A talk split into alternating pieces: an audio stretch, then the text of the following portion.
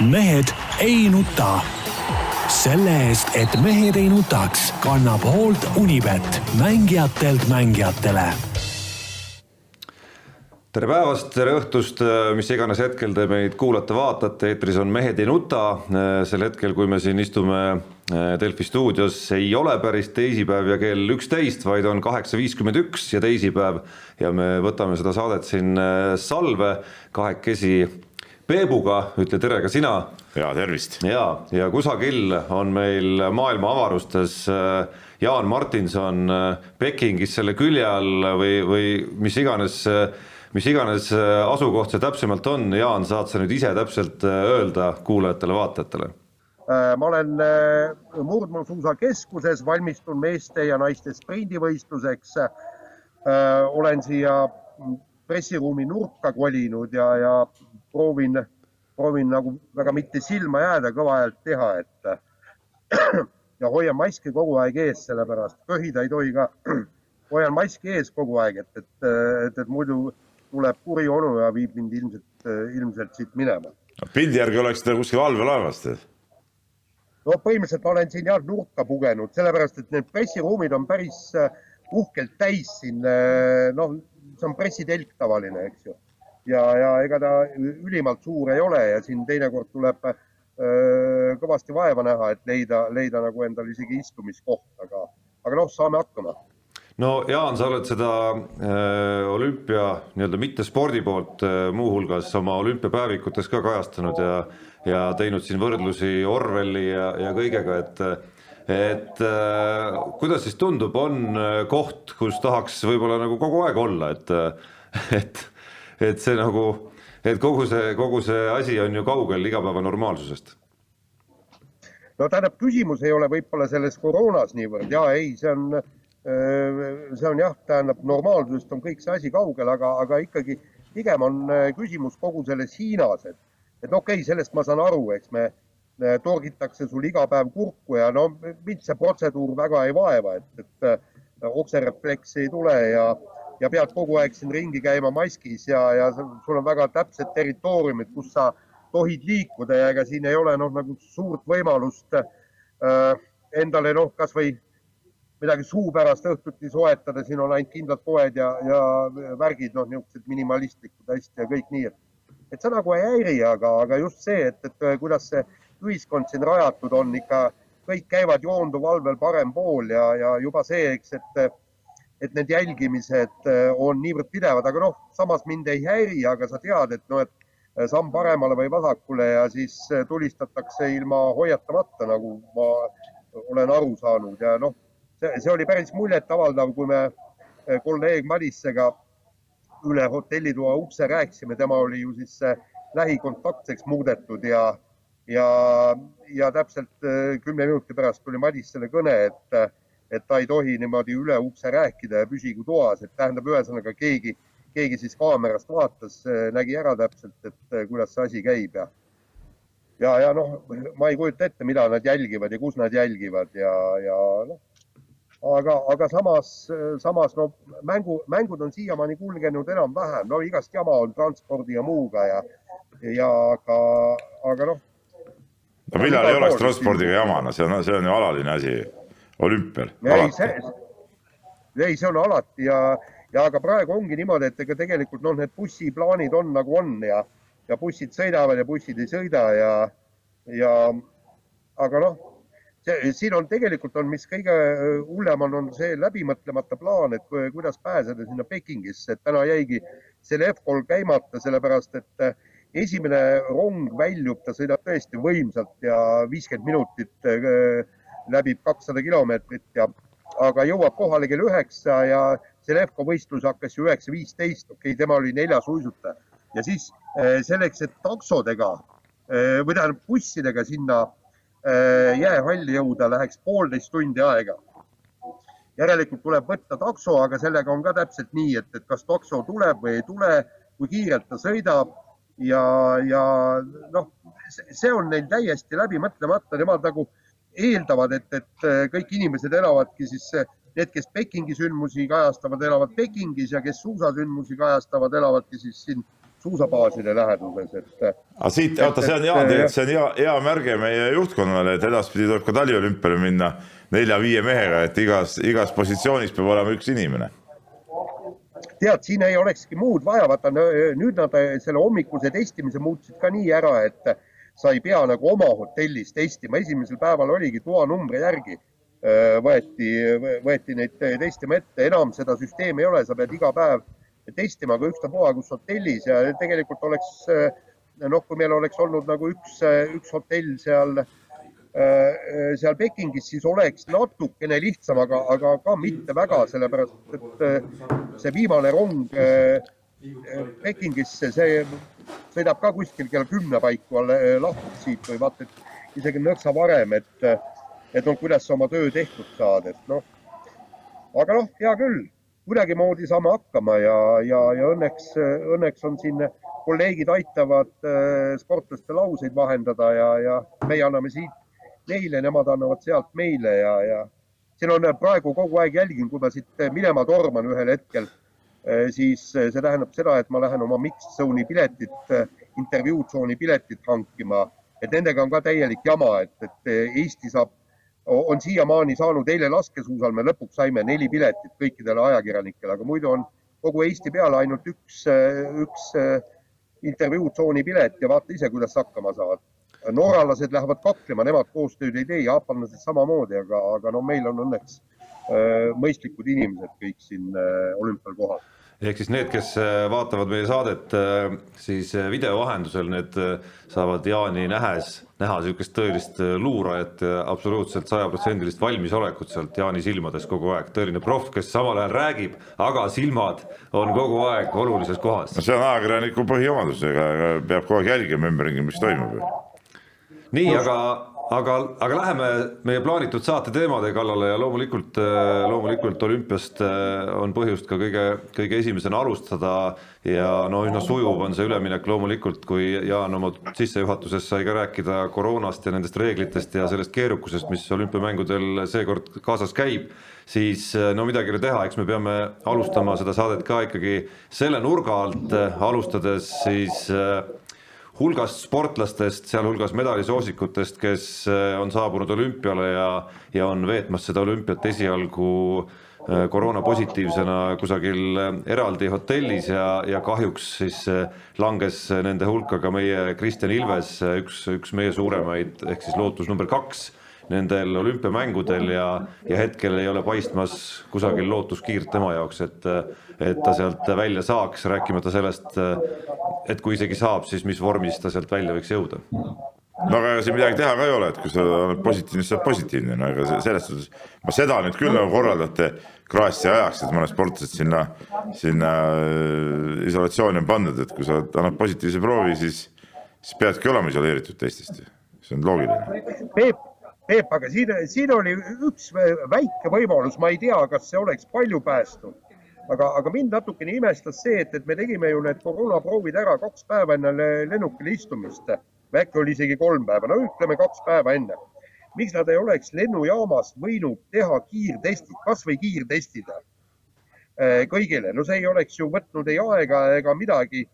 Eh, ja, ja siis oleks võib-olla mõne mehe päästnud ehk siis eriti just need lähikontaktsed ja võib-olla mul, mul on tunne, et, et võib-olla Kristjan Ilves nakatus ka tegelikult lennukis, sest saabudes olid tal ju testid negatiivsed, et, et. oota, oota, ma ei saa, Jaan, Jaan, aga mis see, mis see lennu, lennujaama saabumise kiirtesti nüüd päästnud oleks siis? ei no see oleks päästnud seda, et ei, no jaa, see konkreetne seal... isik, kes istus temast siis ma ei tea, pingirida üks-kaks või, või mitu seal kuskil lähedal, kelle käest ta tõenäoliselt sai selle viiruse, et võib-olla oleks selle saanud juba nii-öelda enne lennukisse astumist kätte aga enne lennukisse näiteks... seda mõtles Jaan. no aga ta ei pruugi siis veel näidatagi. no ei pruugi, aga tõenäoliselt juba oleks võinud äkki, et siin meil ju ka Kristjan Ilves uudise, uudise peale Forte reageeris, rääkis ühe Eesti teadlasega ja rääkis just sellest, selle nurga alt, mismoodi lennuk on üldiselt nagu väga soodus koht, kus, kus seda viirust endale külge saada. arvesta, et, Kristjan Ilves ja Äh, Norra kahevõistleja Jarl Magnus Riiber, nemad ju lendasid samas lennukis, kus kohe maandumisel äh, võeti maha, äh, see oli vist viis Taani, taanlast kas nad olid kõik hokimängijad, seda ma ei tea, aga viis taanlast olid positiivsed. aga samas Riiber ja Ilves ei olnud positiivsed ja, ja, ja, ja Riiberil hakkas seda positiivset proovi näitama veelgi hiljem. et seepärast on üsna tõenäoline, et nad sealt lennukist ja taanlastelt eh, selle nakkuse said. noh, ja, ja oleks need taanlased enne ära kontrollitud, kasvõi kiirtestiga, et, et siis oleks võib-olla meie mehed pääsenud aga üks asi, mis mind on nagu üllatanud jah, et ühest küljest on Peebul õigus siin, mis ta alguses ütles, et et noh, kui oled positiivne, siis, siis ega nagu teistmoodi ei ole võimalik seda võistlust korraldada, kui, kui positiivsed ikkagi tuleb eemale lükata ja ja, ja vahepeal isoleerida, aga aga need eriti esimeste päevade tingimused, mis, mis siis meedia vahendusel jõudsid avalikkuse ette, et, et milline on söök näiteks selles nii-öelda koroonahotellis on ju, või, või kui kehv see õigemini on seal, seesama reegel, et, et seal ei ole mõeldud sellele, et et noh, enamik koroonapõdejaid ilmselt on seal ikkagi väga väheste või üldse ilma sümptomiteta, et et ei ole võimalik nagu mingisuguseid treeningtingimusi sinna luua, mingisuguseid trenažööre neile viia, kõik nagu see osa, et fakt on see, et kes ikkagi nagu vähe, vähegi kauemaks sinna jääb ja noh, alla alla kolme-nelja päeva ilmselt ei tule sealt keegi välja, et, et noh, nende sportlik vorm tegelikult noh, igal juhul rikutud selleks olümpiaks, et see tundub mulle nagu imelik. no ega nad ei arvestanudki sellega, ma arvan, et, et sealt pärast seda karantiinihotellis olemist või keegi hakkab kuskil võistlema, noh, ma arvan, et selle peale nagu ei tulnudki lihtsalt. ei, aga miks mitte, näiteks tõesti, kui sa, kui sa oled juba seal äh, põdemise nagu teises, kolmandas, neljandas faasis, kui sa, kui sa maandud, äh, äh, kui sa, kui sa maandud Pekingis, võta, võta või see Susann Külm. palju ta oli, ta oli vist kolm päeva seal või? noh, ütleme niimoodi, et, et, et, et sealt sujuvalt üle minna oleks Kristjan Ilves ka kolme päevaga pääsenud, jumal, ta oleks ju homme rahulikult võistlustulle läinud, okei okay., mis sealt oleks tulnud, see on teine asi, aga, aga miks ta ei peaks siis võistlema, kui ta istub koroonahotellis ainult kolm päeva? Susann Külm ju eile võistles, koroonahaige. noh, kas seda nüüd võistluseks saab nimetada?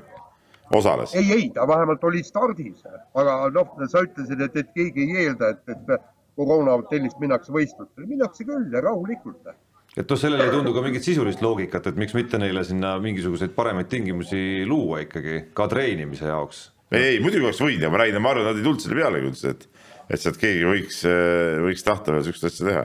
no üks asi on, sa ei tule selle peale, aga annaks ju reageerida, et tõesti, kui delegatsioonid on valmis ju nahast välja pugema selleks, et äh, riiberitele, ilvestele, külmadele viia mis iganes vahendeid sinna, alates ma ei tea, hantlitest kuni, kuni tõesti veloergomeetrini, et, et ma ei näe nagu seda sisulist põhjust, miks seda nagu keelama või takistama peaks. ei, sellel ei ole mingit põhjust, see on Hiina, see on Hiina lihtsalt. Noh. et ei ole ette nähtud ju kogu aeg. ei ole ette nähtud, noh, väga õige Nepaloosana. huvitav, kas Hiina sportlasi ka seal koroonahotellis on? hiinlasi see haigus ei võta vist? ei, ei, minu, ma, ma kuskilt lugesin, et üks, üks oli, oli jäänud haigeks, aga, aga nüüd just lähipäevadel no Kristjan Ilvese puhul, kui me veel selle, selle teema natukene ära isikustame, siis äh, noh, ühest küljest lihtsalt ülimalt traagiline muidugi, et iga nelja aasta tagant olümpia ja, ja, ja sa nagu sellisel kujul äh, langed rivist.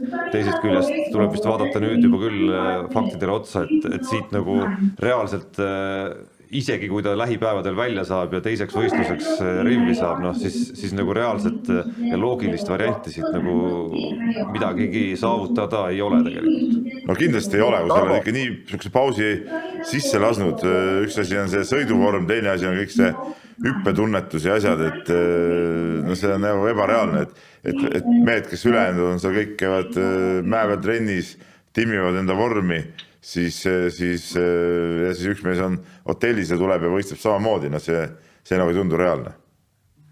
noh, aga kõige suurem traagika on ju selles, et, et millisest eh, nii-öelda asendist eh, Kristjan Ilves olümpiale läks.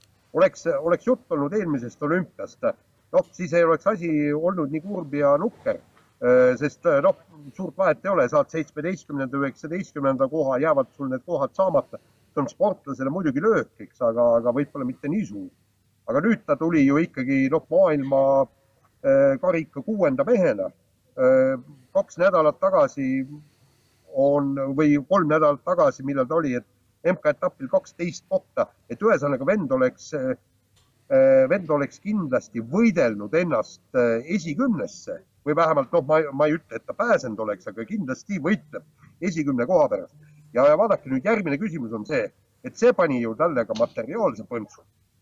sellepärast, et kui ta esikümnesse ei mahu, siis ma ei tea, kas, kas, kas ta saab jätkata Eesti Olümpiakomitee B-stipendiumil, hakkab palka saama ettevalmistustoetust ja, ja vot siin ma küll arvan täiesti raudselt, et EOK peab Kristjan Ilvese puhul eraldi, erandi tegema no see on elementaarne ja siin ei ole, see on elementaarne, siin ei ole midagi isegi rääkida, tähendab, kui, kui nad seda ei tee, siis võib see EOK ennast lihtsalt põlema panna maakeeli öeldes. no absoluutselt, et noh, seesama ise noh, ütleme maalidest kõige hullema versiooni üldse, mis olla saab, on see, kus äh, mitte ainult olümpiat, aga ka olümpiale järgnevaid võistlusi hakkab see paus praegu mõjutama. et siis peaks olema ikkagi see olümpia, olümpiaeelne maailmakarikasarja kuues koht see, mille järgi hakata hindama ja vaatama, et, et kuidas ja mis toetustele Kristjan Ilves nagu tegelikult vastab no nii, nii, aga, aga hüppame oma teemas äh, kahevõistlusest ja, ja Kristjan Ilvesest ja koroonast nüüd natukene eemale. Eesti sportlasi on juba võistlustules omajagu olnud, muuhulgas ja teiste seas alustas ka Kelly Sildaru äh, oma noh, ütleme siis ikkagi kõrvalalal Big Airis jäi ta finaali ukse taha, oli seal ebaõnne ka suusaklambritega. Äh, no aga kas oli ebaõnn? No nii nad seletasid. no treener seletas, et kui maandudes oled vales asendis, jalg on vales asendis, siis see klamber tulebki lahti, et, et kas see nüüd ebaõnn oli või mitte, no pigem oli ebaõnn see, et, et ta maanduski natuke, ta ei, see ei olnud ideaalne maandumine, noh eile rääkisime ka äh, olümpiastuudios Madis Kalvetiga sellest, et, et siin nagu päris nii ei saa nagu ütelda. Noh. Jaan, kas sellest ja, annaks midagi välja lugeda ka järgmisteks võistlusteks? Ja Peep, ma tahtsin öelda, et ebaõnn on ses mõttes, et ma saan aru, et kui valesti maandudes alati klamber lahti tuleks, siis ei oleks juttu, aga äh, valesti maandudes mõnikord tuleb lahti ja mõnikord ei tule see äh, klamber lahti, nii et äh, aga muidugi Kelly puhul oli, oli tõesti kahju ja kurb, aga, aga, aga samas jälle jumal tänatud, et, et see ei olnud tema põhivõistlus ja tänast Big Airi finaali vaadates, no no seal ei oleks no, variantigi olnud, seal ikka tehti siukseid trikke, mis, mis on hoopis teisest maailmast nagu. ja aga, aga Peep, panid tähele, see nii-öelda kelli, kelli trikid, need andsid ka ikka päris, päris uhkelt punkte, et, et tegelikult ma ise arvan, et ta võib-olla noh, jah, kolmanda koha pärast oleks võinud võidelda, kas ta oleks selle võitnud või mitte, aga esikuuiku koht oleks, oleks noh, mitte kindel olnud, aga, aga üsna tõenäoline. Samas ütleme, et kaks esimest teevad ikkagi kahe saltoga ja, ja, ja nende, ma ei tea, nelja pöördega hüppeid, no see, see on äh, ikka hoopis teine tase tegelikult, noh. ja ei, seda küll jah, seda kindlasti. Äh, kas see võtmeküsimus, vaadates seda, mida, mida teeb, teevad need kaks naist seal eespool, rääkides eelkõige sellest kõige suuremast soosikust, kas see, kas see nagu midagi rennisõidu ja pargisõidu vaates ka nagu tähendab? pargisõidu vaates vist nii palju ei tähenda, et, et ma eile ka Madis Kalvetiga sel teemal äh, olümpiastuudios rääkisin, et, et, et seal Madis arvas, et noh, kui, kuigi seal on kolm hüpet ja kolm reili sõita ühel laskumisel, siis, siis ütleme, kahekordse hüppe peale Madis arvas, et minnakse ainult, ainult viimase hüppe peale, et, et see nii palju ei, ei mõjuta ikkagi seda ja seal ju iga hüpe annab, annab teatud hulga punkte ainult, et sõit pannakse ju kokku või see hinne tuleb kokku kõigist nendest elementidest, et seal see nii palju nii palju efekti ei anna, kui, kui Big Airi hüpetes. ja ega ma ei oska ka rohkem kaasa rääkida, et, et ma arvan, et, et, et Madis teab seda asja ja, ja ta on ikkagi entusiastlik ja arvab, et, et Kelly siin ikka võitleb tõsiselt medalite pärast, et muud pole teha, talle pöialt hoida. kas me Eesti sportlaste esinemist nüüd natukene laiemalt vaadates, nii palju kui need esimestel päevadel olnud on, oleme siis neid oodatud eneseületusi ka näinud või, või esialgu, esialgu pole nagu näppude vahele midagi jäänud? no Eesti sportlased esiteks on vähe võistelnud veel ju ja, ja mingeid nüüd sihukeseid super tulemusi ma küll pole näinud siin natuke eh, kilgati suusatamise järele, aga no ma nüüd noh, kaotus oli ikkagi ju mõõdetav kalendriga, et esialgu, et ma nagu nüüd nii, nii super-hüper hindeid sellele küll ei annaks, ma ei tea, Jaan, kuidas koha pealt tundub? no ütleme niimoodi, et jah, et, et mida me peame eneseületuseks, tegelikult ütleme niimoodi, et et äh, Alvar Johannes Alevi kolmekümne kolmanda, kolmandat kohta suusavahetusega sõidus, tegelikult seda ei oleks oodanud.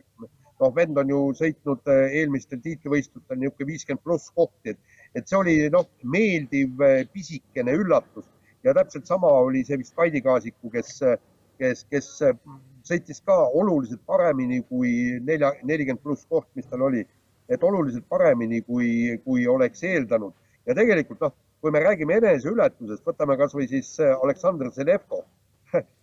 vend kolm päeva või kaks päeva tagasi kukub endal äh, õlaliigese paigast ära, aga ta läheb ikkagi sinna võitlema ja, ja äh, noh, rääkisin täna temaga, ta oli noh, ütles, et jah, natuke valu oli, ma olin valust üle ja, ja ta, rääkis kõike seda, aga mis tegelikult tal oli ja mis tal tegelikult sisemuses oli, et sa lähed võitlema edasipääsu pärast äh, äh, vaba, vabakavale ja kõike, sul niisugune jama juhtub ja siis sa lähed jääle ja, ja, ja teed enam-vähem kuidagimoodi selle kava ära.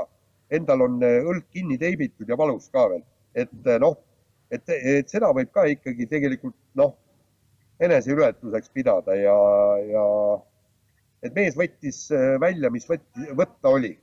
no sellega ma olen nõus, mis Selevkat puudutab ja et, et me täpselt ei tea, mis, kui hull see asi tal oli, aga see, et mees läks ja sõitis vähemalt ära selle selle sõidu, et selle eest tuleb teda küll kiita, ma arvan.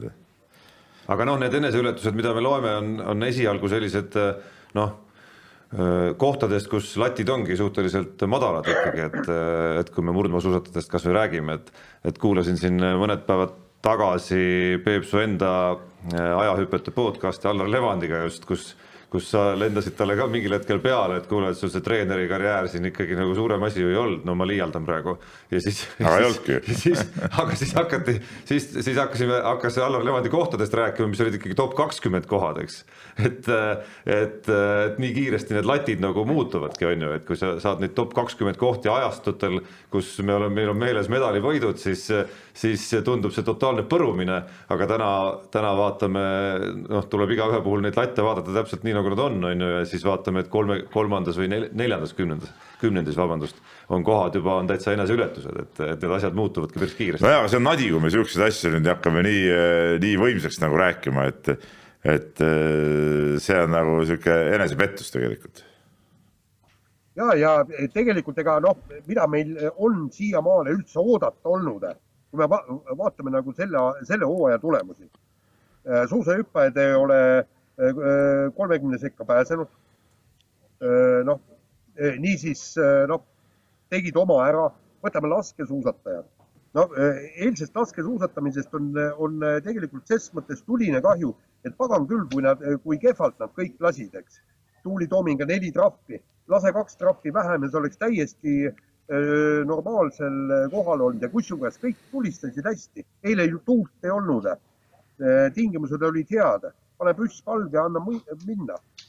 seal tuli kellel seitse trahvi, kellel kuus trahvi.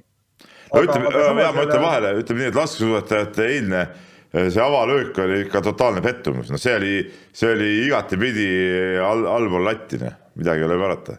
ja, ja allpool latti küll, aga, aga võta nüüd selle aasta MK tulemused lahti. ja, ja nad sõitsid täpselt sinna. Jaan, Jaan, kas sa saad aru, et tiitlivõistlusel ehk olümpial on lihtsam saada kõrgemat kohta kui MK-l, sina eh, kogenud ajakirjanik peaks sellest aru saama, et seal on ju eh, tippriikidest on eh, stardis vähem sõitjaid kui MK-etappidel, noh. et ehk siis sa võid, võid, võid MK-ga arvestades no pluss seitse-kaheksa kohta igal juhul, igal juhul anda juurde kohe.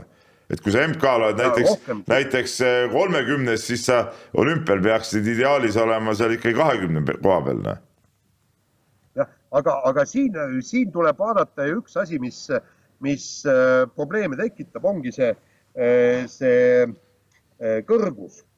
Ja, ja, ja kuidas nad sellega hakkama saavad ja näiteks seal, seal oli, noh, me Nordhugi juurde tuleme, aga, aga soomlased ütlesid, et, et, et tuleb väga täpselt planeerida kogu seda treeningprotsessi ja edasist liikumist äh, nii kõrgetes oludes. Ja näiteks nemad ütlesid, et, et võib-olla millega norralased puusse panid oligi see, et, et nad läksid kõrg, kõrgmäestikulaagrist vahepeal koju madalale ja alles siis lendasid siia Pekingisse, mida soomlased ei teinud.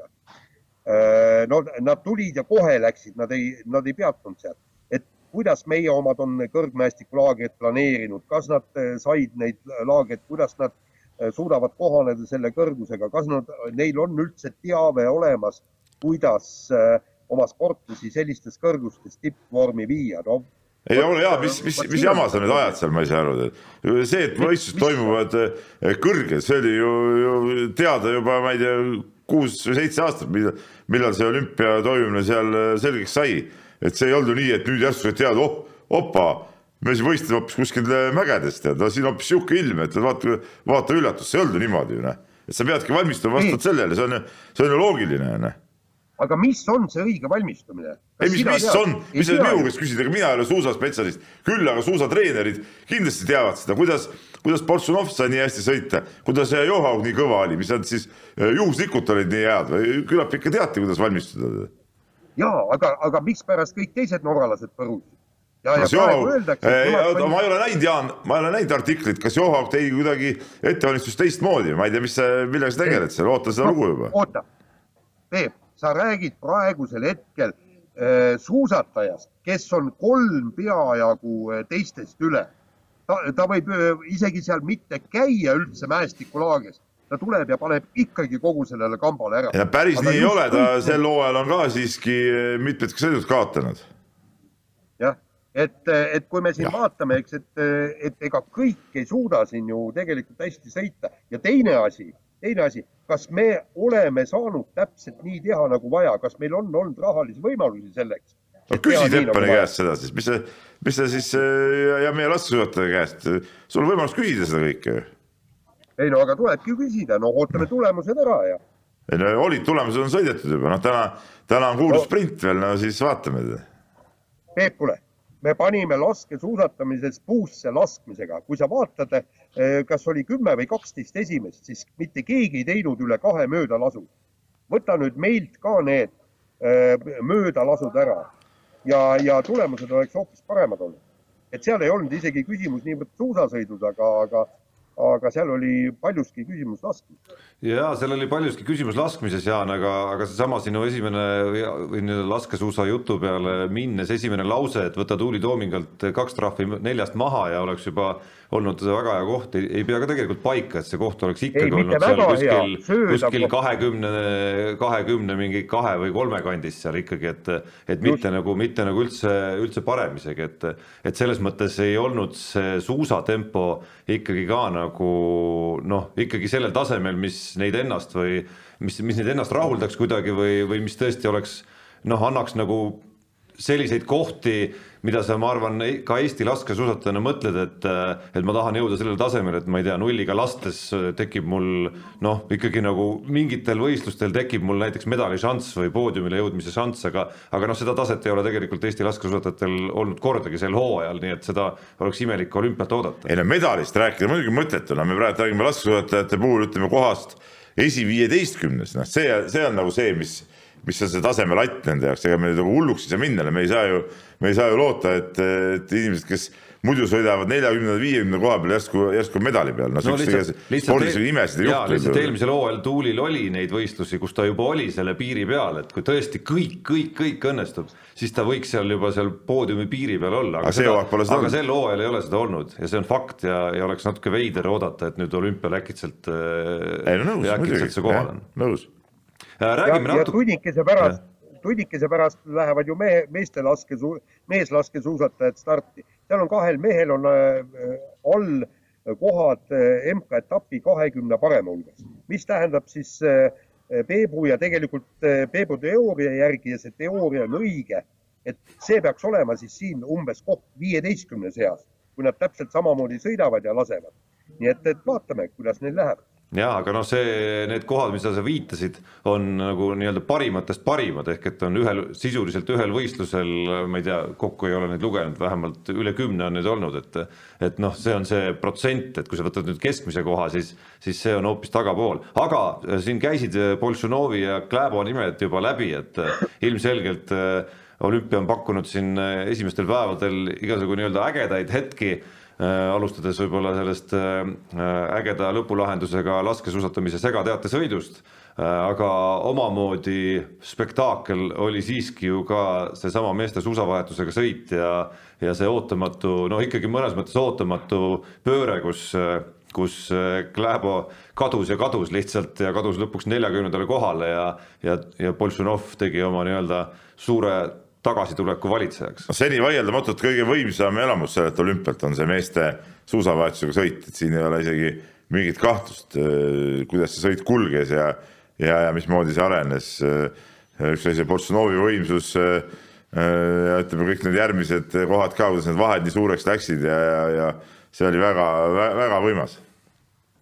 ja noh, ütleme niimoodi, et no või tähendab, Kläbo siis täna, täna võttis lõpuks sõna, ta oli ju poolteist päeva oli, oli vait olnud, selle mix zone'ist marssis ta läbi ja, ja ütles ainult ühe lause, kõik on perses e.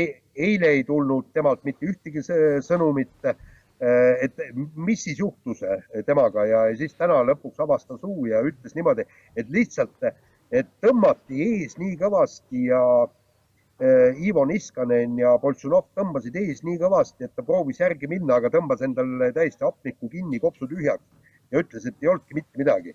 et mina ei suuda kannatada nii meeletut tempot, nagu need kaks meest seal ees tegid, siis kui nad eest ära läksid ja nii lihtne see oligi.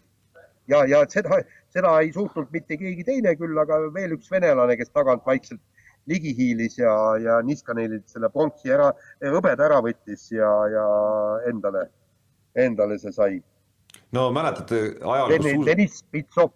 mäletate ajal, kus suusavahetusega sõit tekkis üldse Äh, oli see sisuliselt nagu noh, mõnes mõttes oli see klassika osa nagu formaalsus ikkagi, see oli aeg, kus äh, Andrus Veerpalu oli ka klassikas ikkagi ju tippude seas, eks. ja sisuliselt käis seal üks suur loksumine kogu aeg. Äh, ehk siis lõpuks vaba stiili mehed olid need, kes grupisõidus otsustasid seal nagu selle, kes siis eespool on ja kes tagapool on. et see, mis mis muutus on toimunud viimasel ajal natukene, mitte ainult olümpiasõidus, on see, et need klassikamehed, kes on tõesti Niskaneni tüüpi klassikamehed, on aru saanud, et selleks, et neil üldse mingi variant oleks, nad peavad nagu ikkagi hakkama sisuliselt esimesest kilomeetrist sõitma.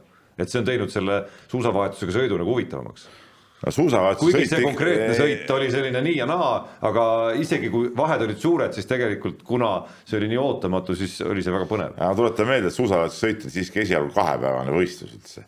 Et sõideti alguses klassikadistantsi ja jagati medalid välja ja siis selle seisu pealt mindi sõitma uisku, Jaan, mäletad seda, eks ole? vist oli, vist oli kümme klassikat oli alla äkki või, võis olla kümme või? just, kümme klassikat. Ja, ja, ja, ja viisteist uisku. jah, aga no see selleks, väike ajalootund ka siia juurde, aga eh, põhimõtteliselt on eh, Tarmo sul õigus, eks ole, ja et, et, et ega neil muud varianti ei olegi, et, et kui seal kui seal grupis loksud, siis neil ei ole uisutehnikas ei ole mingit, mingit võimalust, nad peavadki eest ära sõitma, seda nad tegid. Ja minu arust noh, oli just see, see oligi nagu see, see võimas, et, et nad tegid seda nii võimsalt, et keegi ei jõudnud järgi minna, noh, see ja, oli nagu ja, ja noh, seesama äh, stseen, kus Boltšanov äh, Niskaneni finišisse tulles esimese asjana läks ikkagi noh, tegelikult nagu viskas viis pihku, et kuule, ole meheks et äh, aitasid tegelikult ka nagu minu töö, aitasid minu võidule tegelikult ka ühe, üheaegselt. ja muidugi see, kuidas Niskanen ütleme ära kannatas selle usu osa, seal oli, ma kodus ka ütlesin kodustel, et, et kohe on niisugune tunne, et nüüd kohe nagu kohe nagu lõpeb ära tal see asi, et nägu oli kogu aeg ju selline peas, et noh, ja see, see samm oli ka selline. kas sa Tour de Ski äh, seda lõputõusu oled näinud, see tänavust või äh,? tänavust, tänavust ma isegi näinud vist jah. see, kuidas Niskanen sealt üles tuli, see no see oli peaaegu sama, aga noh, lihtsalt veel äärmuslik, sest et tõusunurgad olid, olid palju suuremad, noh, kus mees vahepeal ikkagi nagu kõndis ja siis järgmisel hetkel oli ikkagi suutnud mingi libisemist nagu elemendi jälle tekitada, et ilmselgelt seda Soome sisu on, on Niskanenis, Niskanenis päris kõvasti sees. Äh,. aga, aga nüüd, vaat, nüüd vaatame, poole tunni pärast umbes või kolmveerand tunni pärast hakkab ju äh, Äh, sprindivõistlus siin pihta ja, ja ääretult suur huvi on vaadata, mida see Kläbo teeb, kas ta on taastunud ja kas ta suudab sprinti võib-olla hästi sõita, et siin on, tegelikult on, äh, tuleb, tuleb ikka tunnistada, et ikka see suusatamine ja laskesuusatamine, need on ikkagi, äh, ikkagi kaks ülekaalukalt kõige põnevamat ala siin olümpiamängudel, no hoki ka muidugi. hoki pole veel alanud nii, aga noh, jaa, okei okay,, me tuleme ühe teema juurde tagasi veel, võib-olla teeme väikse sujuva, sujuva väikese plaanimuutuse siin, et ma pakun siin selle laivis välja, Peebule tuleb üllatusena, et käime need olümpiateemad võib-olla ka, ka plaanivad kiiresti vahepeal enne läbi, et siis kui Jaanile tuleb nii-öelda käsk tuleb, siis saab sportida, sportida niimoodi, et ei pea põdema selle üle, et ei saa Kalev Cramo või Hans-Christian Ausenbergi teemadel midagi. sellepärast ta põeb kindlasti. midagi sekka öelda, aga noh, küll ta siis, küll ta siis teeb selle tasa järgmistes saadetes, aga, aga see on üsna sujuv üleminek praegu. Äh, kui te siin rääkisite sellest, mis on ägedat olümpial ja kuidas murdmaasuusk ja laskesuusatamine noh, on ikkagi nagu nii-öelda nagu koor on ju, eriti olukorras, kus jäähoki pole veel alanud, siis äh, fakt on ka see, et olümpia avatseremoonia telereitingud püstitasid näiteks USA-s ajaloo antirekordi, nii vähe pole neid vaatajaid kunagi olnud. okei okay,, avatseremoonia avatseremooniateks, aga see, mida ma oleks tahtnud siia nagu jätkuks öelda, et ma pean tunnistama, et äh, natukene oleme ühel meelel Hannes Rummiga, kes käis äh, pühapäeva õhtu vist oli see päev, kus ta käis Aktuaalse Kaamera spordisaates olümpiateemasid kommenteerimas, et, et kuidagi seal kuskil tühermaal äh, nende ägedate võistluste vaatamine jätab nagu veidra ja mõru maigu suhu ikkagi, ma siin olen Peebule seda eile õhtul ja täna hommikul ka peegeldanud ja kiru-, peegeldanud ja kirunud, et, et noh, me näeme siin Euroopas noh, isegi korvpallivõistlusi, kus äh, saalid on äh, noh, kas rahvast täis või peaaegu täis ja inimesed elavad kirglikult kaasa, rääkimata suusavõistlustest, äh, olgu ta laskesuusk või murdmaasuusk, kus, kus ikkagi nagu me näeme, et et need võistlused toimuvad kohas, kus suusatamine läheb korda inimestele ja siis me näeme sellist steriilset uluva tuulega kuskil nagu X paigas ainult selleks olümpiaks püsti pandud kohtades seda võistlust, et see nagu, see nagu võtab ära sellelt äh, olümpialt, et, et ma pean olema küll nõus nendega, kes ütlevad, et, et see ei ole nagu taliolümpiale kui sellisele hea. et, et olümpia toimub sellises kohas, kus noh, ei ole nagu mingit suusakultuurigi aga olümpia varem okay, toimunud koroonapiirangud, okei okay,, koroonapiirangud on need, mis on äh, nagu publikuselt nagu ja. massiliselt ära viinud, aga ma ei ole kindel, et seal seda nagu päriselt massiliselt oleks, kui isegi, kui neid piiranguid ei oleks. no kas, kas Vancouveris eh, või Kalgaris oli mingi suur suusapublik või? ei mäleta, kui aus olla. no aga ei olnud ju. aga noh, ma ütlen, ma tahaks näha neid võistlusi, te olete kõik näinud laskesuusavõistlusi Ruupoldingis või no,, või suusavõistlusi Norras. üldse ilma publikuta ju, küll ja küll.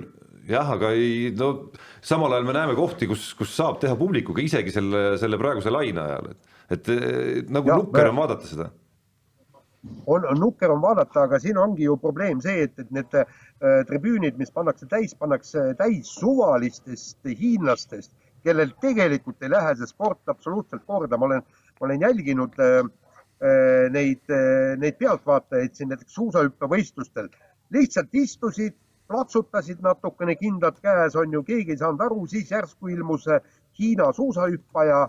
Siis hüüdsid sellele tagasihoidlikult hurraa, ega neil ei ole absoluutselt mingit aimu, kui palju keegi hüppab, mis see on hea, mis tähendab, vot see on probleem. aga, aga ütleme nii, et kui koroonat ei oleks, taeva pärast, kui palju oleks siia tulnud norralasi, sakslasi, kõiki, sellepärast et noh, lõppkokkuvõttes ei ole ju liiga kallis riik ja ja, ja ma arvan, et, et, et, et siis oleks see, see olümpia olnud igati äge. no ja, ja teine asi on see, et et ega Aasia maades on see suvalise publiku toomine olnud äh, alati selline, see ei ole ainult Hiina teema, no mäletan, ma olin, äh, oli vist Taekuus kergejõustik mm kaks tuhat üksteist, äh, seal ju toodi kogu aeg busside kaupa koolilapsi staadionile, kes siis lihtsalt tulid sinna, istusid seal natuke, siis viidi jälle minema, et, et et nii lihtsalt on, see on, see käib nende, nende maade juurde, et ega nad ei jagagi seal neid siukseid spordialasid, aga paraku neid võistlusi toimub seal kogu aeg. Ma ütlen, see ei ole Hiina teema, see on see on sama, samamoodi seal teistes riikides ka. ja lihtsalt nagu taliolümpia liikumise, kui me sellist peent sõna kasutame jaoks, on, on nagu kuidagi nukker, et meil on äh, nagu olümpia noh, teist korda järjest äh, ikkagi väga selgelt mingis kohas, kus nagu noh, suusasport äh, noh, ei, ole nagu kohalikus ruumis miski tegelikult. aga minu arust on täiesti totter on lasta ennast häirida sihukesest asjast, et see, see nagu ei, võistlus ise nagu on ju see, mille pärast me seda vaatame, et, et loomulikult on nagu äge, kui publik elab kaasa ja, ja see kõik, see kõik on tore seal, aga tegelikult no mina ei tea, mina niimoodi, eh, niimoodi seda küll ei vaata, mina vaatan ikka võistlust ennast ja, ja, ja, ja, ja minu arust lasta ennast häirida, et oh, et see on mingi tüher maa jätab kibeda maigu, tead, noh, kibedate vendade jutt on see lihtsalt, tead, noh, muud midagi, no siis oled sa, Peep, väga kibe mees, vaadates ja kuulates, kui paljud asjad sind närvi ajavad närvi ajavad küll, aga ma räägin, et olümpia on ikka ülim asi ja siin ei saa lasta kõrvalmõjudel ennast häirida. noh. Tarmo, tee mulle selgeks, kus siis peaks olümpiamängud toimuma. tegelikult selle järgi, kui me räägime suusahullust publikust, siis on äh, Soome, Norra ja Rootsi, ma ei tea, kas Eesti oleks, no Eesti on ka niisugune poolel. ei no Eesti on utoopia siiski. ei no Jaan ja,, okay. Jaan, aga mis Soome, mis Soome, äh, kas Soomes on no. Äh, mingi suusahullus alles jäänud, ei ole ju tegelikult, vaata lahti MK-etappi Eh, mis seda viimasel võib-olla kümnel aastal, palju seal publikut on olnud, noh, midagi pole ju. just täpselt, just täpselt, seda ma just ütlengi, näiteks järgmised olümpia, taliolümpiamängud toimuvad ju Itaalias. Noh, jumal, ma olen seal Itaalia MK-etappidel käinud küll, kus see publik on, ei ole mingit publikut.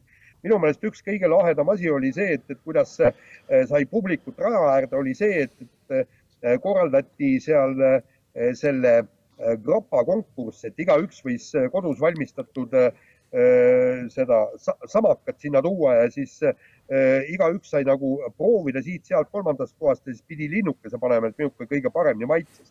Ja siis olid külamehed olid kõik kummikutes sinna kohale tulnud, võtnud naised-lapsed kaasa ja siis naised-lapsed olid siis seal raja ääres ja oli mingigi publik. aga mehed panid tina seal samal ajal no mul, minul isiklikult ei ole vähimatki kahtlust, et äh, isegi kui lahti MK-etappidel on rahvast vähe, siis kui Soomes mingitel asjaoludel peaks olümpiavõistlused toimuma, siis oleks seda raha nagu, rahvast nagu murdus. aga see on ka see pseudopublik kõik, mis MK-le ei käi, olümpial lähed või?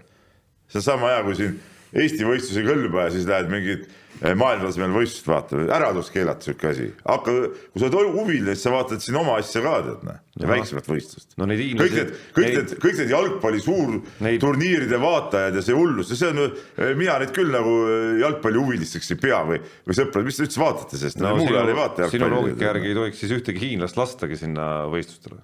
et need, need, kes seal tribüünidel on, tuleks ka ukse taha jätta noh see ongi, ega see nende bussidega sinna vedamine ongi mingi mõttetus ju tegelikult, nad ei anna mitte midagi juurde sellele. nii, aga hüppame järgmise olümpiateema juurde. Tuuli Toominga mured jätkuvad, on oma rubriigi meile siin kiires vahemängus Tuuli endale välja võidelnud, ütleme niimoodi sellel hooajal ja nüüd siis äh, eilse võistluse järel äh, Tuuli Toomingas oli sunnitud tõdema, et äh, et tema laskmisprobleemide taga on paugukartus. no aga milline naisterahvas ei kardaks pauku, tead sa mõnda siukest või? ikka tean. mina küll ei tea. kõik on, ai, käed kõrva peale, noh. no ma ei tea, kui. aga tegelikult kui.... jah, Jaan. ja ma, ma tahan öelda, et, et tegelikult see on niimoodi, et, et võta, võta nüüd ise äh,. näiteks noh äh, me, mehed, mehed on äh, kordi kõvemad, eks, ja mine ja pane see suurekaliibriline äh, püss, millega lastakse kolmesaja meetri kaugusele. esiteks see, see tagasilöök viib sul õla paigast. Ja te, teiseks on see lask on ikka nii kõva, et ma arvan, et, et paratamatult tekib ka te,, tekib ka mehel selline reaktsioon, nii-öelda lasukartus, aga, aga sellega on, tähendab, äh, saate aru see, et, et paugu peale kuskil mingisugune lihas võpatab, see ei ole ju eh, tahtlik reaktsioon, seda ei saa ju alla suruda, see lihtsalt on nii.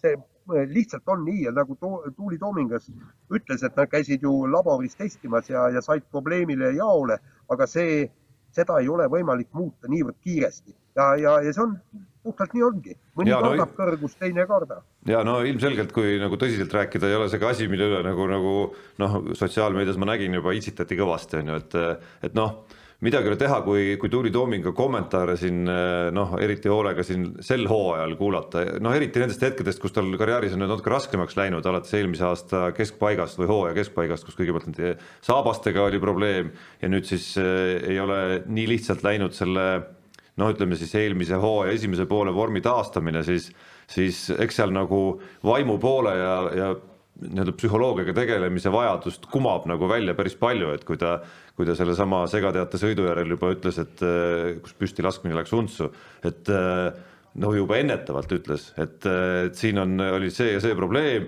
ja ega see nüüd äh, individuaalvõistluseks äh, mingit noh, süstib mul, ise ütles, et see süstib minusse veel ebakindlust sisse, et noh, siis ilmselgelt on seal, on seal nagu nii-öelda tegelemist selle poolega ja vajadust selle poolega tegeleda päris palju. no aga olümpial, olümpiakoondises on psühholoog meil olemas ju, Snezana Stoljarova on ju seal kohapeal, Jaan, miks te võiks tegeleda temaga? ja ei, ei no kindla ei, nad tegelevad selle probleemiga aga nagu ta ütles, see on pikaajalisem protsess, tal on kõik need psühholoogid olemas ja, ja, ja, ja ma arvan, et, et tead, tegelikult ma ei arva midagi, ma tean siin sportlasi küll, näiteks seal on, meil olid suusatajad, kes, kellel oli laskumistel probleem, kui kiirus liiga suureks läks, siis nad ei talunud seda kiirust, hakkasid sahka sõitma.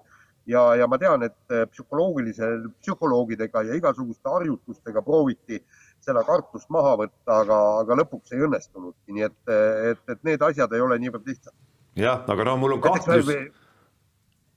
ja ma tahtsin lihtsalt öelda, et näiteks tõesti, ega mul on ka paras, parasjagu kõrguse kartus, et, et ega ma ei taha seal kuskil äh, kahekümne teise korruse rõdul väga meelsasti alla vaadata. ma kujutan ette, et tehke minuga, mis tahate, kuidas mingi psühho psühhoanalüüsid ja, ja psühhiaatri juures käimine, psühholoogi juures käimine. ma ei usu, et, et suudetakse teha niimoodi, et ma vaatan sealt äh, rõdult alla ja ütlen, et oi kui tore. no sinu õnneks ei ole sinu ütleme siis ajakirjanduslikud saavutused äh, ja tee nendeni kuidagimoodi nagu seotud sellega, et sa ei pea, sa ei peagi sinna kahekümne teisele korrusele ronima. miks te ei pea? kus kohas? teeb reportaaži ja vaatab alla sealt, mis tunne on alla vaadata. kui ma kardan. noh, siis see ongi parem reportaaž saada noh sind, sind ei ole mõtet saata, kes see, ei karda midagi. see on äh, ikka hea toota läbi loomepiinade ikka, sa ei tea, noh, pead olema ikka näljas, külmas ja, ja, ja kõik peab olema pahasti, siis tulevad head asjad. on nii, Jaan? no ei, absoluutselt, ikka alati tuleb kõiki teha, kui enam ei suuda, aga siis tuleb ikka suuta ja Selge. siis, siis inimene arenebki ma jään seda lugu nüüd pikisilmi ootama, ma ei tea, kas sind lastakse muidugi Pekingis üldse kuskile, kus äh, üle viie korruse on või ei ole? ei, ma elan kümnendal korrusel ja juba sealt on õudne.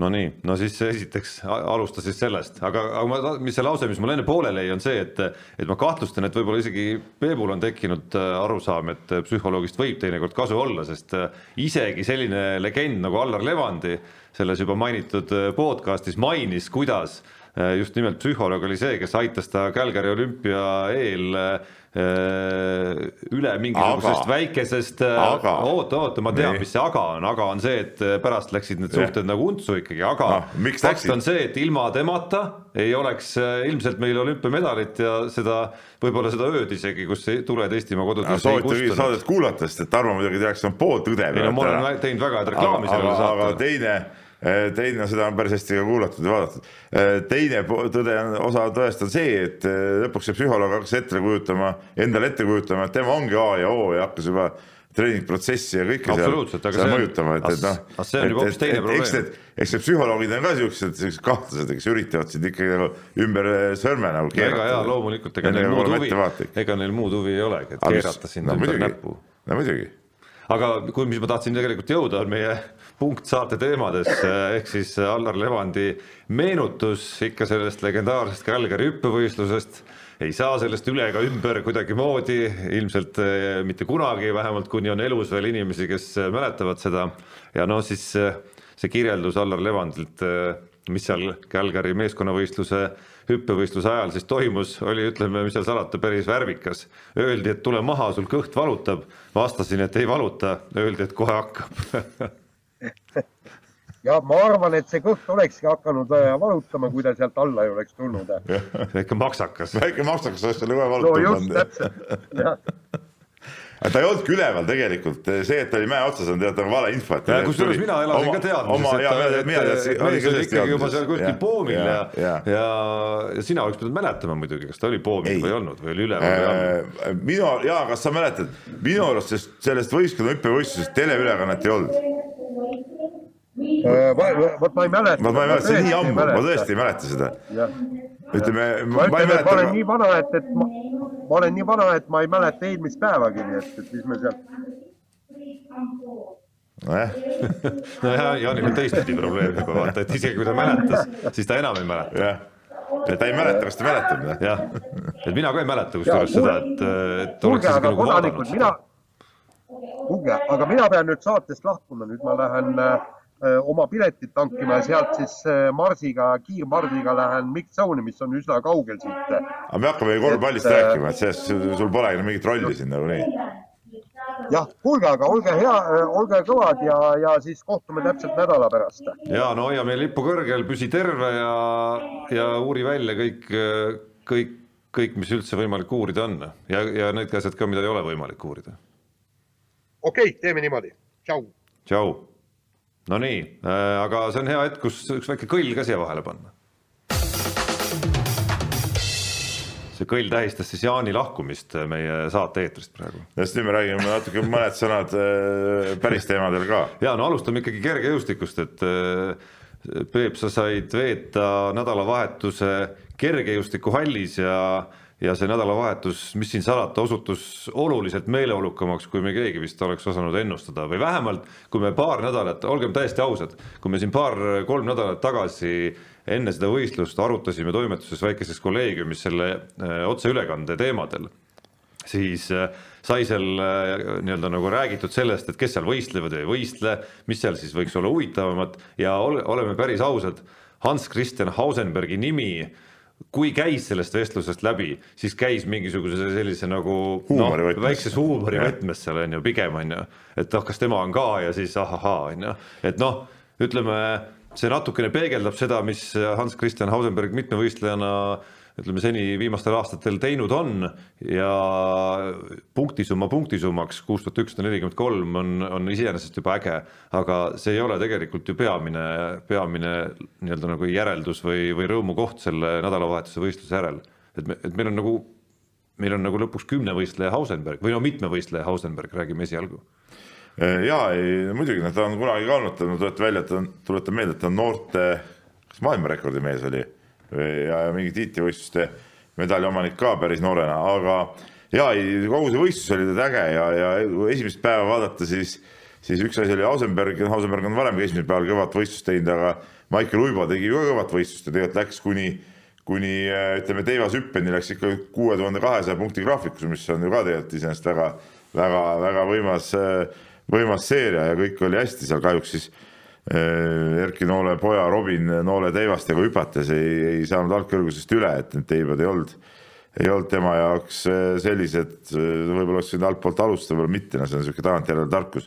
aga, aga ütleme kõik see, et, et Uibo välja langes, siis Ausenberg tegi selle kõik kuhjaga tasa, et, et lõpuks tegi võimsa teivashüppe ja, ja seal oli oli ka palju äh, naljamehi, kes ikka arutasid, et noh, et kas Hausenberg ikka jooksma tuleb või ei tule ja ja mäletatavasti eelmine aasta ta just enne jooksu otsustas, et ta loobub, loobub üldse mitmevõistlusest jah. ja et, et aga ei äh,, rääkisin seal tegelikult enne jooksu ka Hausenbergi praeguse treeneri Harri Lembergiga ja, ja, ja seal nagu seda küsimust õhus ei olnud ja, ja Lemberg tegelikult rääkis päris müstilistest ringiaegadest, mismoodi Hausenberg jooksma läheb, seda seda tuhande meetri jooksut ta nagu aeglasemalt ei oskagi joosta ja ma alguses mõtlesin, et ohoh, et no see ei ole ka reaalne, aga tegelikult Ausenberg ütleme kaks ja pool ringi jookski selles tempos, millest, millest Lemberg rääkis, et siis, siis järsku seal ütleme kolmanda ringi lõpus, neljanda alguses toimus see, toimus see tempo langus, aga, aga, aga jooksis ennast, jooksis ikkagi just lõpuni ära ja, ja jooksis ennast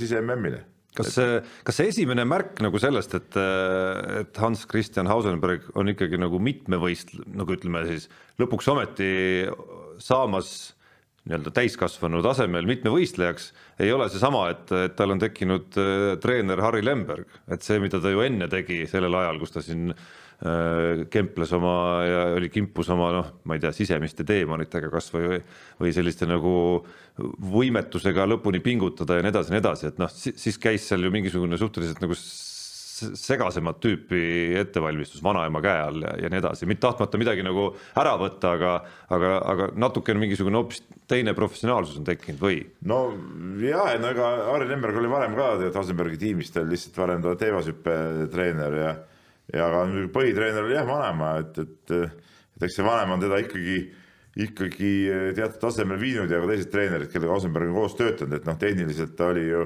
seda Lemberg on ka rõhutanud, et on, on ju tegelikult heal tasemel, et küsimus, ütleme tema puhul küsimus oligi kõige rohkem ikkagi selles nii-öelda selles mõtlemises ja, ja, ja noh, eks ta leidis ise ka huvitavatest detailidest nagu sisemist kindlust, et vaatas Karate Kidi filmi ja, ja no, sealt, sealt, sealt nägi, kuidas, kuidas ütleme ennast nagu keskenduti võistluseks ja, ja ma nägin ka, kuidas ta enne jooksu seal seal tegi neid, neid mingeid äh, liigutusi ja, ja valmistas ennast ette ja, ja no sellest järelikult oli, oli kasu, et, et, et igal juhul vägev värk ja mulle, mulle siuksed värvikad äh, tüübid on alati meeldinud, et, et, et Ausenberg kindlasti ütleme, on nende, läheb nende sportlaste kategooriasse, keda, keda on lahe vaadata ja keda on ka väga, väga mõnus intervjueerida tegelikult, et, et et see võistlusjärgne intervjuu tuli ka tal, tema poolt nagu päris, päris kepsakas. no lõpuks on ju see, et mis iganes sinu jaoks töötab, et kes vaatab Karate Kidi, kes nagu Gerg Riisa viimati teatas, mängis Fortnite'i arv, arvutimängu või videomängu ja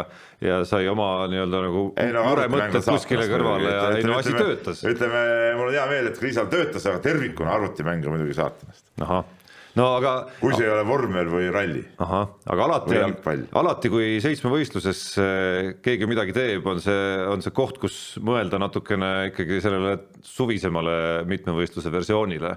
et eilegi seal läksin mingil hetkel äh, vabal hetkel äh, kümnevõistluse kalkulaatori juurde, et, et natukene nagu midagigi midagigi nagu nii-öelda nagu panna sinna kõrvale, et, et, et kuhu see võiks paigutada seal kümnevõistlejate ülitihedas konkurentsis, mis, mis Eestil ju tegelikult on, et, et muidugi esmalt noh, ta peab tegema neid mitmevõistlusi nüüd veel ja see kõik ei käi nagu nipsust, on ju, aga noh, sinna, sinna ütleme nagu kaheksa tuhande ühe kahesaja juurde võiks tuletada selle tulemuse nagu noh, ilma väga suuri nagu eneseületusi panemata no võiks küll jah, aga ütleme, kümme ala on veel, veel keerulisem ja seal tuleb lõpus joosta tuhat viissada meetrit, mitte tuhat meetrit, mis on, mis on ka märksa keerulisem, et, et et ma arvan, et meil ei ole mõtet isegi praegu kümnevõistluse poole vaadata, et las ta teeb selle sise-MM-i ära, et kõige tähtsam on see, et ta seal suudaks ka nüüd seda sisemist äh, rahu säilitada ja teha normaalse võistluse, ma ei ütle, et ta peab minema seal medalit äh, võitma. Äh, noh, see oleks nagu praegu nagu, nagu liiga ilus muinasjutt juba kuigi noh, kunagi ei tea, eks ole, aga, aga põhiline see, et ta seal nagu ei langeks tagasi sellesse samasse seisu, mis ta siin Eesti võistlustel oli. et ta seal suudaks ka teha selle maksimaalse pingutuse, suudaks oma närve taltsutada, teha korraliku tulemuse, seal üle kuue tuhande punkti, no oleks tipp-topp kõik. Räägime nüüd äh, meie armastatud korvpallist ka, äh, jätkame sealt, kus me eile õhtul pooleli jäime, ehk siis äh, Kalevi spordihalli ukse juures me lahku läksime, Peep hüppas trepi kõrval oma autosse mille ta oli peaaegu sisse ajanud siis Kalevi spordihalli peauksest. tugevama õigusega Tuge,. tugevama õigusega jah, Kalev Cramo mehed ei saanud ära sõita, enne kui Peep oli läinud, okei okay,, mitte päris äh,. aga äh, eilne mäng Peterburi seniidiga äh, on selja taga, on selja taga tegelikult siin ka mõned koduse liiga mängud, millest ühes oli ikkagi tükk tegu, et, et võit kätte saada Pärnu vastu. aga no ma tean, et kiusatus on alati äh, kui midagi läheb hästi, hakata rääkima, et oi kui hästi on ja siis, kui midagi läheb halvasti, siis rääkida, et kuidas kõik on nagu läbi nii-öelda on ju.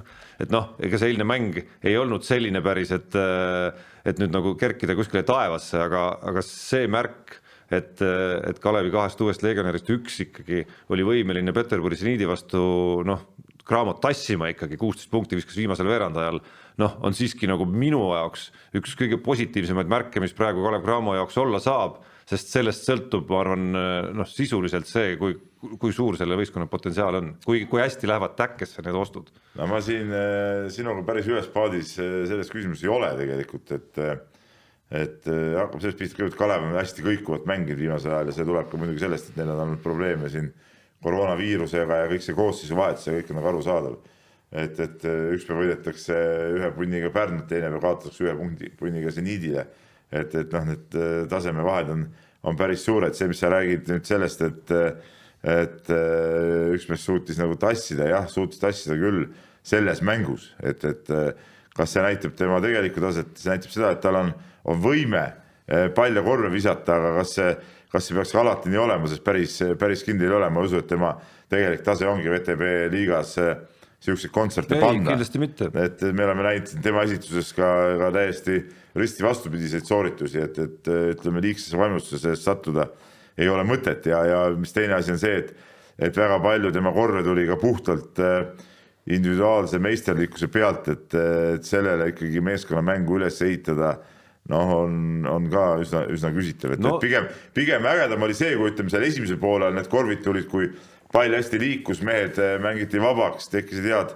head viskekohad, siis äh, siis, äh, siis need korvid olid nagu ägedamad kui need, äh, mismoodi seal lõpus need nagu natuke punnitatult tulid. ei no absoluutselt, need on ka nagu lihtsamad mõnes mõttes ja teevad rohkem inimesi rõõmsaks ja nii edasi ja nii edasi, aga kui me vaatame nendesse hetkedesse, kus Kalev Cramo on viimastel hooaegadel olnud hea, siis äh, selle hea olemise juurde on alati käinud ikkagi see, et näiteks Markus Kiin või Kail Vinales või seda tüüpi mängija on, on võimeline ja võtabki, vahel võib-olla ajab närvi isegi noh, selliseid noh, võistkondlikuma korvpalli austajaid sellega, et võib-olla võtab nagu liiga palju ise, aga, aga praktikas äh, on olnud nagu hädavajalik, et see mees on olemas, kes võtab, et, et selles seltskonnas, mis Kalev Cramol oli nüüd enne neid koosseisu muudatusi, tegelikult nagu ükski legionäridest päris nagu sellist võimet ikkagi nagu ei, ei omanud. ei, vaata, kui sa vaatad nüüd, äh, tead, ma ütlen kõigepealt seda, et, et jaa, loomulikult peab olema võistkonnas mängija, kellele saab raskel hetkel loota, ütleme, kes, kes äh, kastanit tulest välja toob.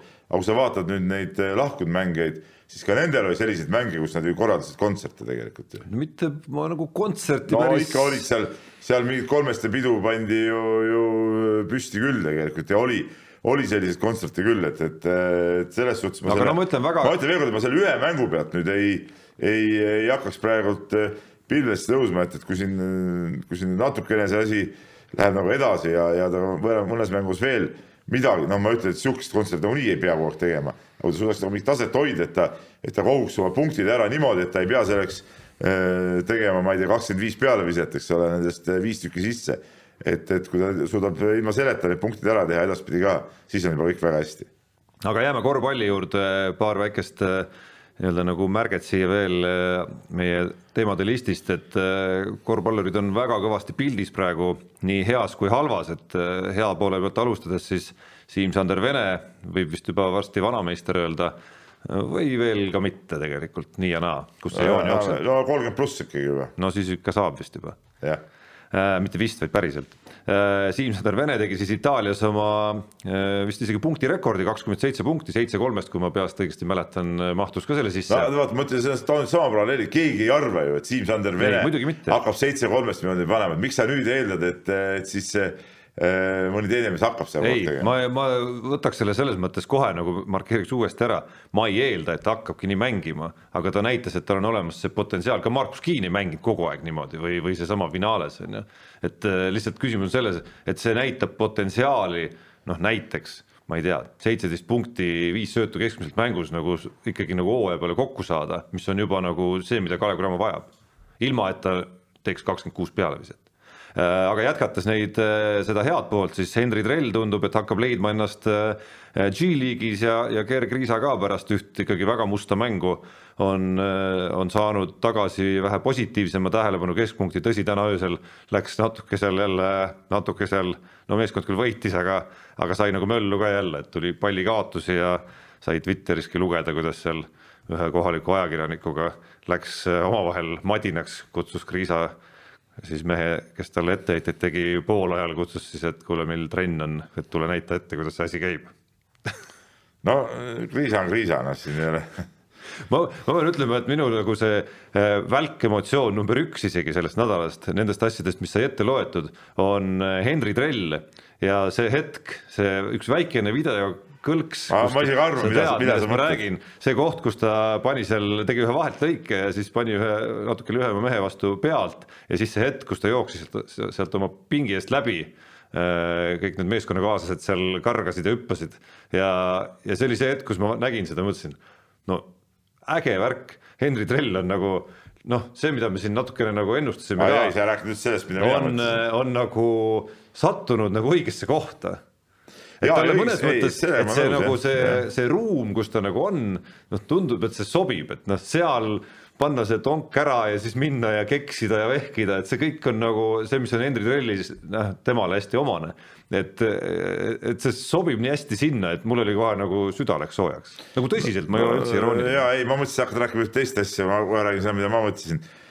noh, jah, no ma ei tea, võib-olla ma ei tea, kas ma olen liiga vana või no mind see keksimine ja see mind nagu ei, ma ei ole ka selle fänn, aga tore oli näha, et, et, küll, et mees tunneb ennast koduselt. Henri Trell on sattunud enda jaoks õigesse kohta, et see, see on, see on nagu selgemast selgem, aga, aga, aga episood, mis mulle nagu hoopis sügavat muljet avaldas, oli, see oli vist siis eh, nüüd eelmine mäng, mitte nüüd eh, ka jah, kus ta seal ka keskjoone peal sai, eh, sai kaitses seal käed vahele, siis seal oli lahtine pall ja koos vastasega nagu hüppas sinna palli peale, sai selle kätte ja söötis, söötis kaasa selle ära, kes siis rünnake ära lahendas, see, just see tema võitluslikkus oli see, mis nagu, nagu jälle minu jaoks nagu avaldas nagu muljet, et, et, et et pagan, et mees, mees on valmis ikkagi, ikkagi äh, kõvasti musta tööd ka tegema, seda, seda sihukest võitlust üles näitama ja, ja lahtine pall ongi selleks, et sellele peale hüpata ja see, vot see suhtumine mulle, mulle nagu väga meeldis, et seda, seda oli nagu, nagu hea vaadata ja, ja ma usun, et Henri Trellil seal seal liigas äh, asjad võiks, võiks sobida tegelikult.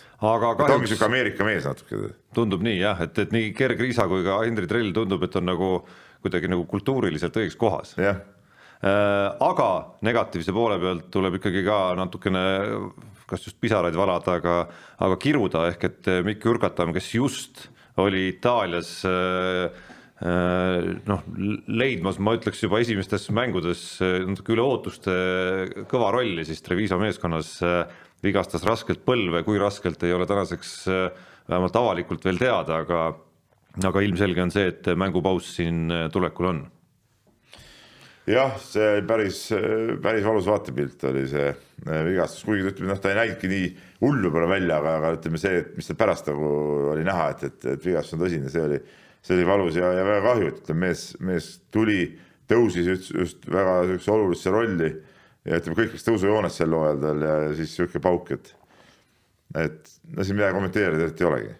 Ja natukene kiruda ja muud midagi, mitte et see aitaks midagi. Ja noh, selle saate osa lõpetuseks ma arvan, et ei ole siin pikalt vaja rääkida, vaid soovida kõikidele, kes selle asjaga tegelevad, alates tenniseliidust kuni kultuuriministeeriumini ikkagi nagu nüüd äh, jõudu lihtsalt öeldes, et, äh, et see eilne uudis sellest, kuidas Eestil on tekkinud võimalus korraldada WTA turniiri ja mitte ainult sel aastal, vaid ka järgmistel, et see noh, kui mitte nüüd, siis millal see idee võiks veel võiks veel reaalsuseks saada. absoluutselt, praegu on viimane aeg, arvestades Kaia Kanepi ütleme karjääri ja, ja vanust, kuigi hästi palju vanusest ei räägita, siis ma, ma arvan, et see on, see on viimane aeg on see turniir ära teha siin. nii, väike kõll Unibetis saab tasuta vaadata aastas enam kui viiekümne tuhande mängu otseülekannet. seda isegi mobiilis ja tahvelarvutis. Unibet, mängijatelt mängijatele. no nii, Peep. ma eh, kutsun üles kõiki eh, mängima Unibetis ja panustama ja oma raha sinna viima. et nad saaks sponsoreerida meie saadet ilmselgelt äh, püsid sa kaljukindlalt sa oled võtnud nagu selge strateegia ikkagi, oled õppinud eelmistest äh, ja. aastatest ja saanud aru, et sinu ainus lootus äh, võita see mäng on püsida kaljukindlalt selle oma algse summa ehk kolmesaja euro peal. no aga see on ka tase ju hoida stabiilsust. ja ei no selles mõttes äh, nii-öelda nagu noh, tarkade inimeste üks, üks nagu kõige nagu elementaarsemaid omadusi on mitte avada suud teemadel, millest nad ei tea näiteks ei, midagi no,. samamoodi, kui sa ikka ei oska, siis ära, ära näpi, on ju. ei no just eile oli juttu kolleeg äh, Madis Kalvetiga, et parem on äh,, kuidas see oli, laisalt seista, kui, kui lollit rabeleda, lollit ringi joosta. et mina siiski tegin oma ühe panuse ära, see ei läinud hästi. See puudutas laupäevast Viimsi ja Ogre mängu panid Viimsi peale või? ma panin Viimsi peale sel hetkel, kus äh, nad olid algul jäänud äh, sinna no circa mingisugune kaheksa kuni kümnepunktilisse kaotusseisu. ja tegelikult äh, oli mul hetk isegi kuskil seal esimese poole lõpus võtta see nagu varem välja isegi nii-öelda kasum mingi maani realiseerida, aga, aga ma ei teinud seda ja, ja lõpuks ikkagi lõpuks ikkagi see Viimsi mäng teisel poolel oli üsna pettumus. no ma seda mängu kahjuks näinud, ma olin eh, seal kergejõustiku eh, võistlusel tol päeval ja, ja ma väga ei jälginud, jälgisin, nägin nad lõppskoorid, et, et, Viimsil ütleme asjad praegult eh, viimaste mängude põhjal väga hästi võib-olla ei ole praegu jah, no natukene oli ootust, et kuna Lips on tagasi, et siis, siis võiks nagu olla seal nagu võimekust rohkem, tõsi, seal oli koroonast välja tulnud põhimehi, kelle vorm ei olnud veel ilmselgelt korras ja ja ka seal need no, noor mängija Rippergi vigastus ka, et mängis oma rolli, kes on tegelikult viimasel ajal tõusnud ikkagi põhivisiku meheks. just, ja ega see lips, lips ka seal ei olnud nagu noh, päris niimoodi nagu vahepeal seda äraolekut ei oleks olnudki, et, et eks see võtab seal ilmselt aega äh,. eripanus, mis meil on mehed ei nuta eripanusena töös, puudutab olümpiamänge ja puudutab Martin Liivi ja see on nüüd midagi, Peep, mis on nagu loodud sinu jaoks, kes ütleb, et siin koefitsiendid eh, kihlveokontoris eh, noh, ütleme ühekohalised koefitsiendid, et need ei kõlba kuhugi, siis eh, Martin Liivi medalivõidu koefitsient tuhande meetri kiiruisutamises originaalis on kuusteist, sinna siis mehed ei nuta eripanusena krutib Unibet natukene juurde ka veel, nii et sealt siis Peep no. algab sinu. sinna ma panen, luban, sinna ma panen, see on nagu, vot see on nagu mõttekas panus, noh. et siukse asja mõtled panna, noh. soovitan panna kõigil kogu oma vara, näiteks no ma soovitan, ma soovitan siia vastukaaluks kõigile, et äh, mängige, mängige neid mänge. kakskümmend korda rohkem näiteks. mängige neid mänge väga vastutustundlikult. Läheme kirjade juurde ma ei tea, kas me pidime tegema promo või ei pidanud tegema promo? ei, me ei pea tegema promo, vaid me räägime sellest, kuidas on äh, tark mängida. aga, aga mõtle, kui saabki medali, siis pärast kiruda, no pagan, mis sa võid kogu oma vara panna. nii, äh, võtame siit äh, kirjad, kirju on palju, peame siit väikse valiku tegema. ja Andres kirjutab meile, et on sihuke väga sihuke frustreerunud olekus kirjutatud ilmselt, et mis ala on tänapäeva suusahüpped. väike mägi, olümpiamängud Peking kaks tuhat kakskümmend kaks tuuleprobleeme tunni aja jooksul polnud, poomi liigutati üles-alla, kompensatsioonipunktid. Äh, kolm küsimärki. tänapäeva tehnika juures saaks hüppe pikkust mõõta millimeetri täpsusega, poleks vaja mingisugust stiili ega kompensatsioonipunkte. see, kes hüppab kaugemale, ongi võitja. kujutage ette, et hakkame kergejõustikus ka näiteks saja meetri jooksus, kaugushüppes, kõrgushüppes ja nii edasi tulemustel arvestama stiili ja tuulepunkte, see pole ju okei okay. no äh, tuhat protsenti nõus minu arust kogu see suusahüppes mingi stiiliga käkerdamine ja, ja, ja, ja tõepoolest see veel see tuulekompensatsioon, see on kõige arusaamatum asi veel seejuures, et tuleks ära lõpetada ja, ja nii ongi, noh, ega kergejõustik on ka nagu sul puhub tagant tuul näiteks, sul veab, saad selle, saad selle äh, tulemuse kirja, siis, siis nii ongi, ega seal ei võeta kellelgi äh, maha ega juurde selle pärast, noh, et, et, et nii ongi, noh. Et äh, muidugi tuleks ära lõpetada ja, ja mõõta neid, neid pikkusi no midagi seal ette peab võtma, et, et kuidagi nagu väga segaseks on see läinud, et äh, ma saan aru, et võistkonnavõistluses oli seal veel mingi, käivad veel mingid väga veidrad liigutused edasi-tagasi ja kes saab hüpata, ei saa ja nii edasi uh.. nii, teadlane Priidik toob äh, välja sama teema, millest äh, sina, Tarmo, siin juba korra rääkisid. kus ta toob ka välja selle, et, et, et sport ja poliitika on siin ütleme omavahel nii kõvasti seotud ja, ja viimase aja need äh, olümpiad on läinud autokraatlikute riikide korraldada ja, ja, ja tavalised riigid seda ei tee ja, ja olümpiamängude maine ja kõik äh, sellega äh, langeb, et need sellised kahtlased suurriigid püüavad sellega oma mainet tõsta, aga tervikuna siis äh, olümpiamängud kui sellised on äh, muutumas äh, lõpuks nišiüritus, mis nagu publikut ütleme, nii-öelda progressiivse inimkonna huvi ei, ei tekita enam.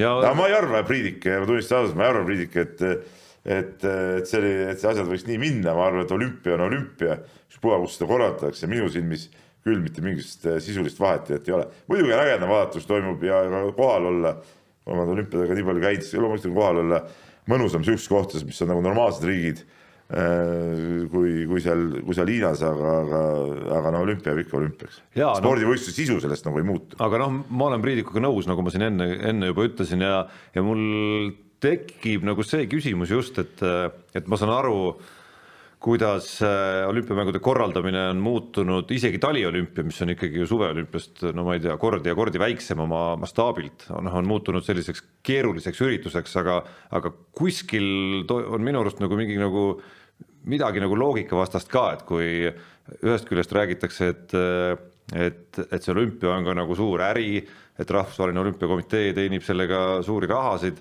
ja siis teisest küljest on jutt, et olümpia korraldajale on see nagu tohutu rahaline põnts ja, ja majanduslikult käib see nagu noh, enamikele riikidele üle jõu, et siis kuskil on siin nagu raha poole peal ka minu arust nagu midagi sassi läinud, et et, et kas need tulude jagamised siis on nagu päris õiglased seal ikka, kahjuks ma ei tea seda, neid peensusi nagu piisavalt palju, aga, aga kuidagi on nagu loogikavastane, et, et ühest küljest räägitakse nagu nii-öelda nagu kasumist ja teisest küljest räägitakse, et see on nagu majanduslikult lihtsalt nagu täi-, nagu totaalne laks allapoole vööd ja sellepärast ei taha väga paljud riigid seda korraldada, nii nagu ka selle praeguse olümpia on ju tegelikult Norra loovutanud. ja ei, ei ma mõnes mõttes olen nõus, aga ma räägin, ma arvan, et võistlust kui sellist see nagu ei, ei mõjuta, see kogu seda ümbrust jah, ümberkaudselt muidugi, loomulikult oleks ägedam, kui see oleks oleks normaalne, aga, aga ütleme see, kui see suusatajad raja peal suusatavad, siis suusata ükspuha, kas Hiinas Äh, Norras või, või minu arust, ma ei tea, Ameerikast, et vahet ei ole. et mu mõte on see, et see korraldamine peaks näiteks Norrale lõppkokkuvõttes nagu raha sisse ei, ei, ma sellest saan aru, ma saan aru. mitte välja viima. Aga need on nagu siuksed teemad, millest noh, ei oska nagu, ei oska nagu midagi kaasa rääkida nii, võtan, võtan, võtan viimase kirja, Indrek kirjutab ja. see on esimene teema saate enam kui kümneaastases ajaloos, kus Peep ütleb millegi kohta, et ta ei oska kaasa rääkida. ei, mis ma ei oska kaasa, ma ei oska midagi ütelda, see on nagu mõttetu teema, tahtsin ma ütelda, jah. mul ükspuha, kas norralased teenivad või ei teeni Eestis seda olümpiat. ei no lihtsalt see on see, see on see, mis aitaks äh, hoida ja, ja toimuda nendel olümpiatel kohtades, kus, äh, kus äh, oleks seda publikut ja mälu rohkem. sa tead, et, et kui rahad on mängus, siis alati on ka mingid rahaaknad. no siis on alati küüned, eks ole. jah, täpselt, noh. nii, aga võtame viimaseks lõpetuseks Indreku kirja ja kirjutab nii, et tere mehed, Lamelo Pool ja NBA A-staar Peep, kuidas me nii-öelda korvpallispetsialistid seda ette ei näinud? naarisite, mis te naarisite seda meest, aga meie küla Kossu bossude lagi on NBA varuliiga. lõppkokkuvõttes teenib see mees miljoneid ja meie NBA kehad sandikopikaid. Äh, no ma ütlen nii, et, et kui Lamelo Ball on NBA allstar, siis äh, palju õnne, aga mind äh, see allstar ja NBA absoluutselt ei huvita ja Lamelo Balli ma vaadata absoluutselt ei taha. ja see, mida ta siin, kui ta siin Leeduski oli, mida siin näitas, see on antikorvpall see on nii ropp, et ma, kui ma peaks veel sihukest asja vaatama, siis mul oleks vaja kolm veeämbrit täis oksendada, et sihukest asja vaadata. ja nii on. no see oli nüüd kõva sõnavõtt. jah ega seda, et Lamelo pool ütleme ega isegi toona, ma ei mäleta, mis sõnadega siin sai seda kommenteeritud, aga seda, et ta ei, ei võiks jõuda NBA-sse ja teha seal suurt karjääri, ega selles pole kunagi küsimus olnud. lihtsalt see, see stiil ja see, noh, see konkreetne asi, mida me nägime siin, kui ta siin Leedus käis mängimas, oli Leedus jah? Leedus jah. jah, et noh, see lihtsalt nagu meie korvpalliruumis noh, oli, ütleme üsna inetu. nii on, sellega võtame saate kokku sellega võtame saate kokku, jah, oleme järgmisel nädalal taas tagasi, kas otse või, või natukene ette salvestatuna, see selgub juba aja jooksul. kuulake meid, vaadake meid, hakake meie jälgijaks Spotify'des, kus iganes platvormides te olete harjunud käima ja, ja tehke sporti, suusatage, kohtumiseni. mehed ei nuta. saate tõi sinuni Unibet, mängijatelt mängijatele